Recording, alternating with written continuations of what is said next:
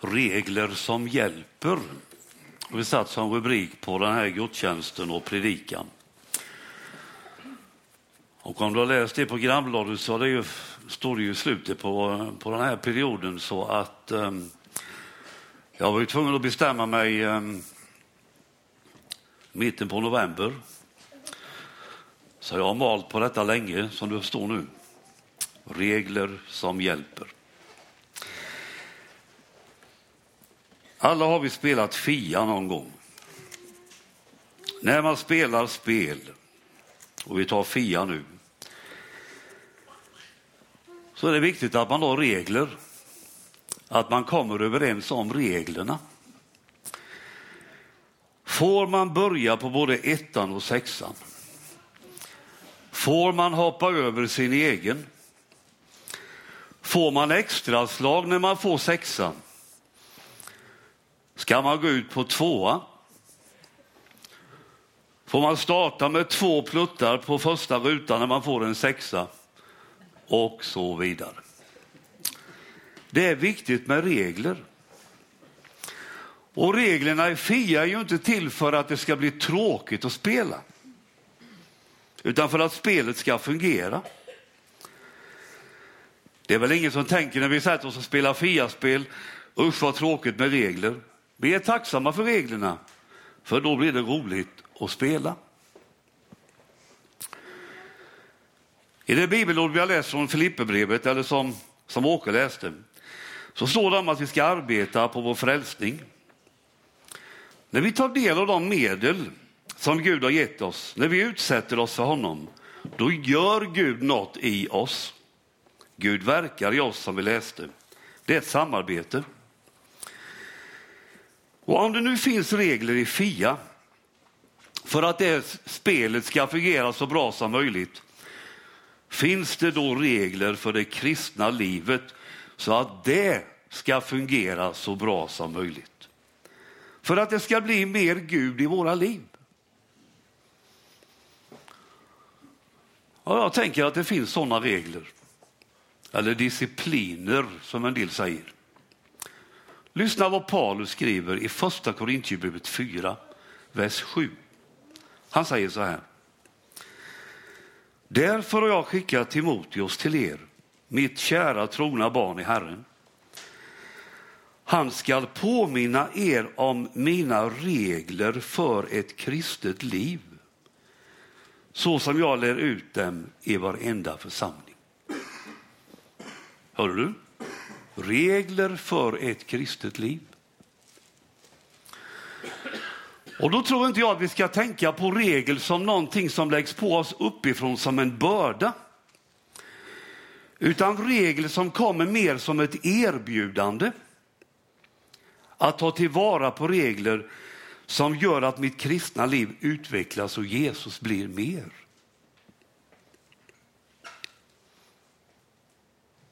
Det är också viktigt att säga att det Paulus skriver de här texterna som vi har delat nu, till människor, att han skriver dem till människor som är kristna.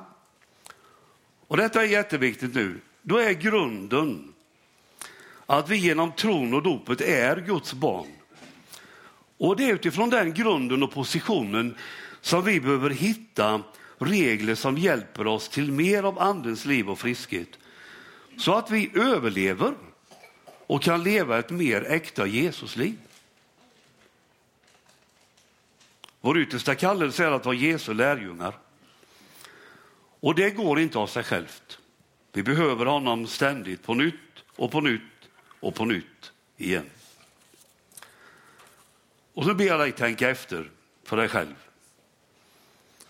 Vad har du för regler idag som hjälper dig så att det blir mer av Jesus? Fundera bara några sekunder.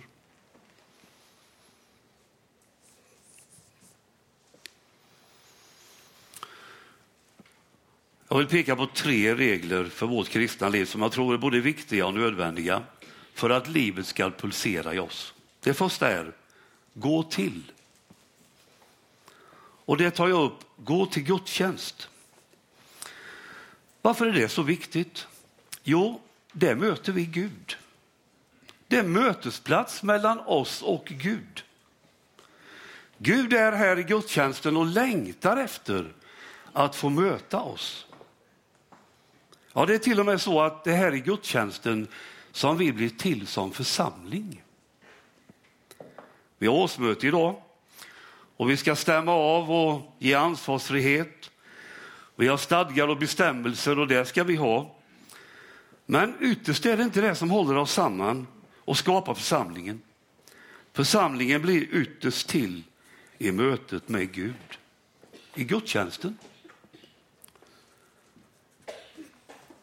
I gudstjänsten så möter Gud oss genom sitt levande ord.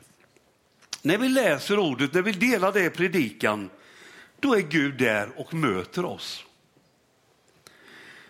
I gudstjänsten förklaras ordet. Ingen av oss greppar ordet på egen hand och förstår det. Vi behöver mötas för att dela det, för att få del av ordet. I gudstjänsten möter Gud oss genom nattvarden. Det är det närmaste vi kan komma honom. För där får vi äta Kristi kropp och dricka hans blod. Nattvarden är inte bara en symbolisk handling, utan det är någonting konkret. Det händer något med oss när vi firar nattvard. Peter Halldorf säger, så förvandlas vi genom brödet och vinet av kraften i Kristi död och uppståndelse. Det händer något med oss i nattvarden. Och i gudstjänsten ber vi tillsammans. Den personliga bönen är viktig, men behöver hela tiden stöttas upp och bäras av den gemensamma bönen. Och när vi läser Jesu undervisning om bön så verkar det ligga en, styrk, en extra styrka ska jag säga, i gemensam bön. Han lär oss till exempel att be vår fader, inte min fader, utan vår.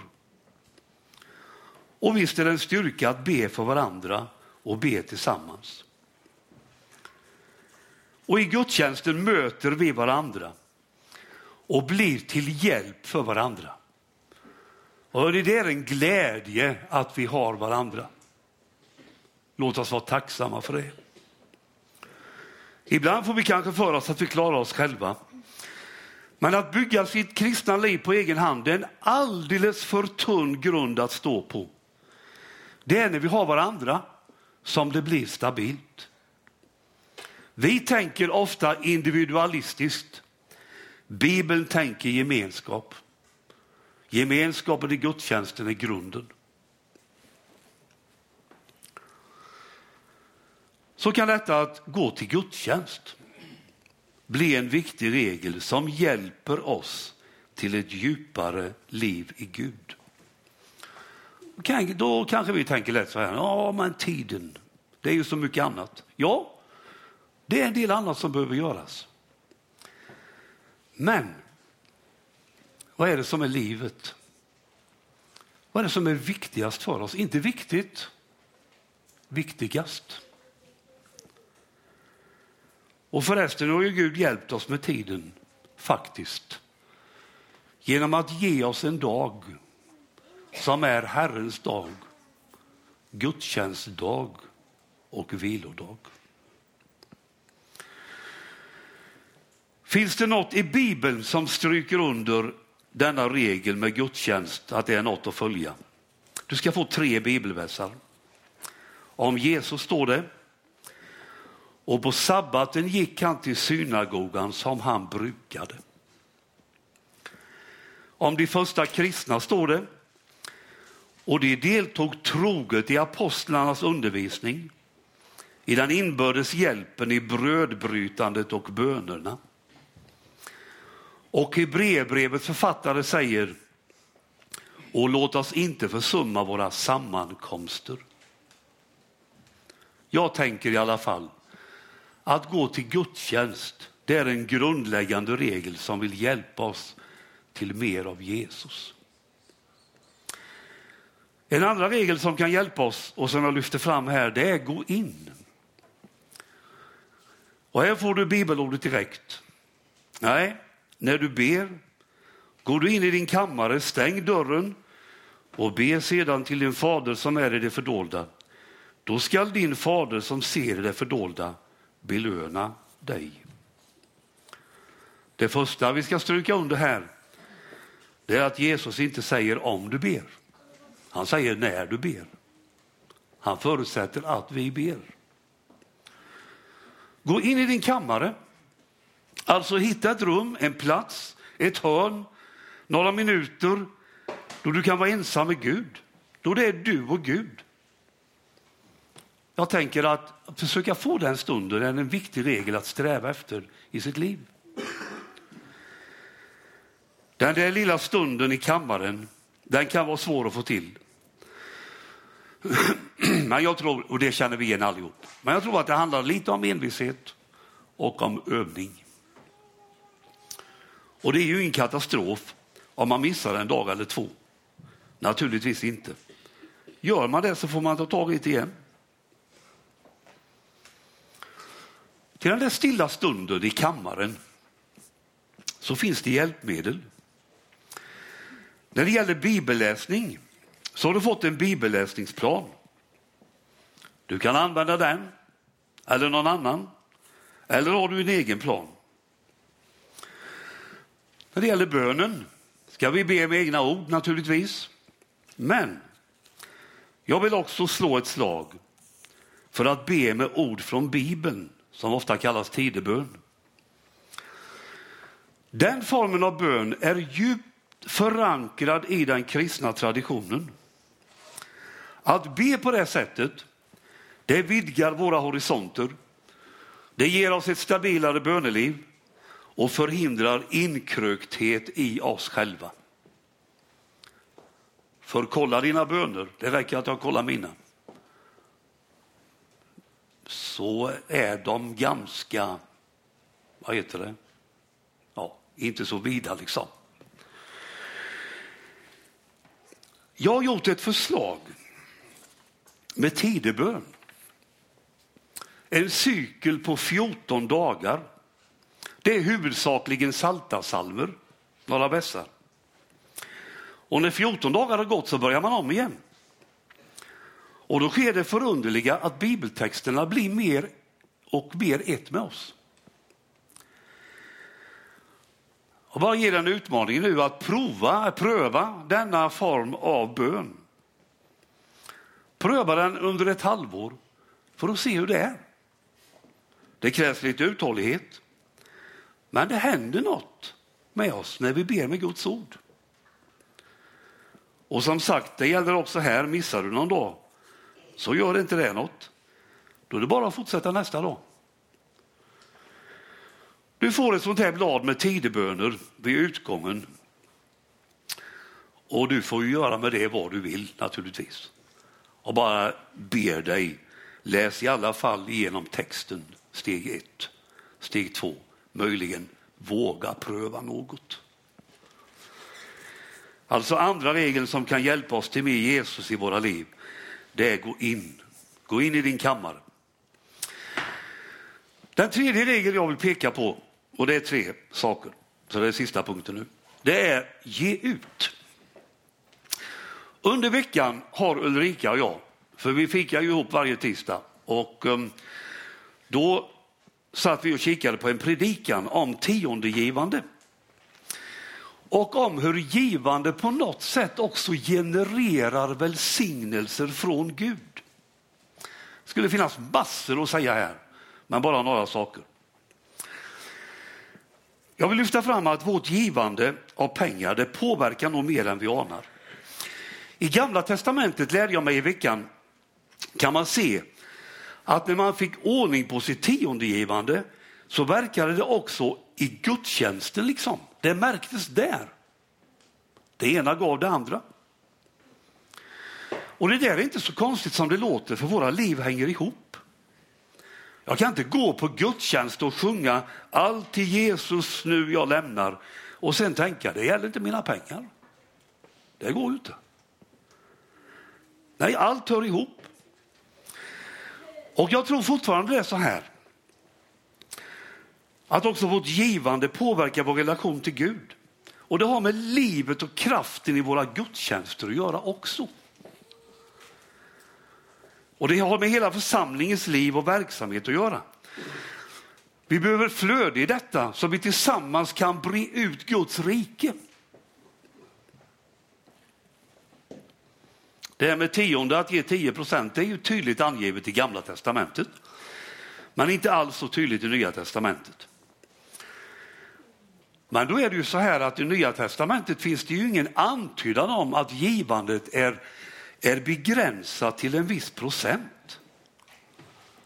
Det är tvärtom så att den princip som finns i Nya testamentet lyfter fram vårt givande, att det är betydligt mer radikalt än tiondet. Så är det faktiskt. Och så måste vi tänka så här, tänker jag. Att om det på gamla testamentets tid som levde under en massa regler med offersystem och annat. Om det gav tionde, hur mycket mer ska då inte vi som lever i nya förbundet, där vi har fått del av frälsningen och befrielsen genom Jesus, där vi kan se att hans död gäller, så behöver vi inte leva under de här systemen av offer och reningsritualer och en massa annat. Va? Jag fick en bra bild. Israel ligger i Genesarets sjö i norr och Döda havet i söder.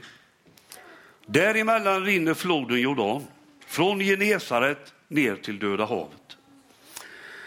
I sjön Genesaret finns det friskt vatten och liv. I Döda havet är det just dött och livlöst. Hur kommer det sig då att det är så olika? Det är bara några mil emellan. Jo, hemligheten är att Genesarets sjö har både tillflöde och utflöde. Och Döda havet har inget utflöde. Och då dör det. När det gäller våra pengar behöver vi ha ett flöde ut, ett givande ut hela tiden kontinuerligt. Annars blir det dött. Och ytterst handlar det ju om vad vi har vår tillit. Vågar vi lita på att Gud sörjer för oss? Även om vi ger en del tillbaka av det som faktiskt redan är hans, inte vårt. Vågar vi lita på vad Guds ord säger?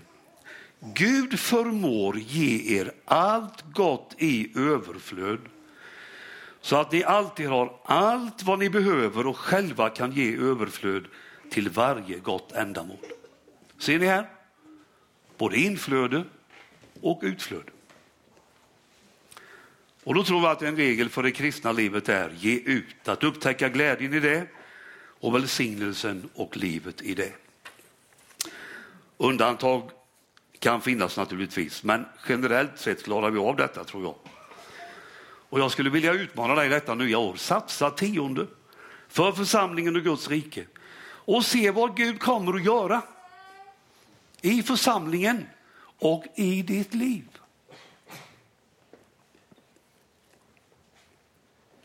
Ja, en sak till under ge ut. Och då ska vi läsa från första Korinthierbrevet 15 och 58. Stå därför fasta och orubbliga mina bröder, mina kära bröder står det till och med, och ge ut er helt i arbetet för Herren. Ni vet ju att han inte låter er möda vara förspilld. Här finns ju orden ge ut med. Ge ut er helt i arbetet för Herren. Jag fann den här versen när jag läste Bill Heibels senaste bok, så jag blandar in honom lite i detta nu. Ge ut er helt. Hurdant liv lever vi? Vilket lopp löper vi?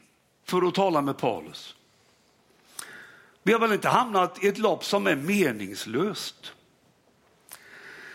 Vi anstränger väl oss inte i en tävling som bara ger en snabb applåd. Vi jobbar väl inte för det materiella som, som rostar och faller i värde och som i evigheten inte är värd ett ruttet lingon. Nej, vi uppmanas att ge oss ut i arbetet för Herren. Att löpa på den tävlingen där våra insatser har evighetsvärde.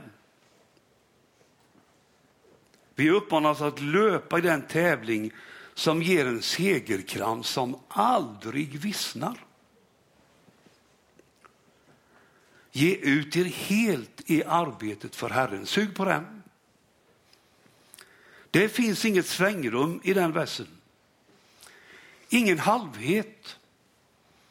Det handlar inte om när det passar mig eller att göra en tillfällig insats eller ge en viss tid åt Gud. Ge ut er helt. Det innebär helt och hållet hela tiden. Ska vi sluta arbeta? Nej.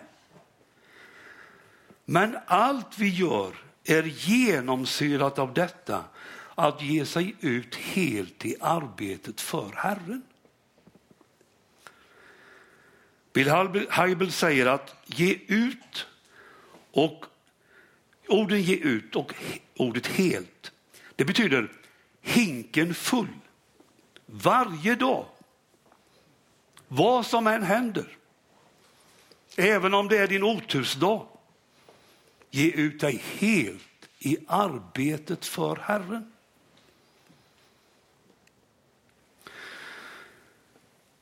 Ja, då har jag försökt peka på några regler som kan hjälpa oss till ett djupare liv i Gud. Som kan hjälpa oss till mer överlåtelse, till mer Kristuslikhet. Regler för ett kristet liv. Ingen lag, utan erbjudande som hjälper oss. Gå till, gå in, ge ut.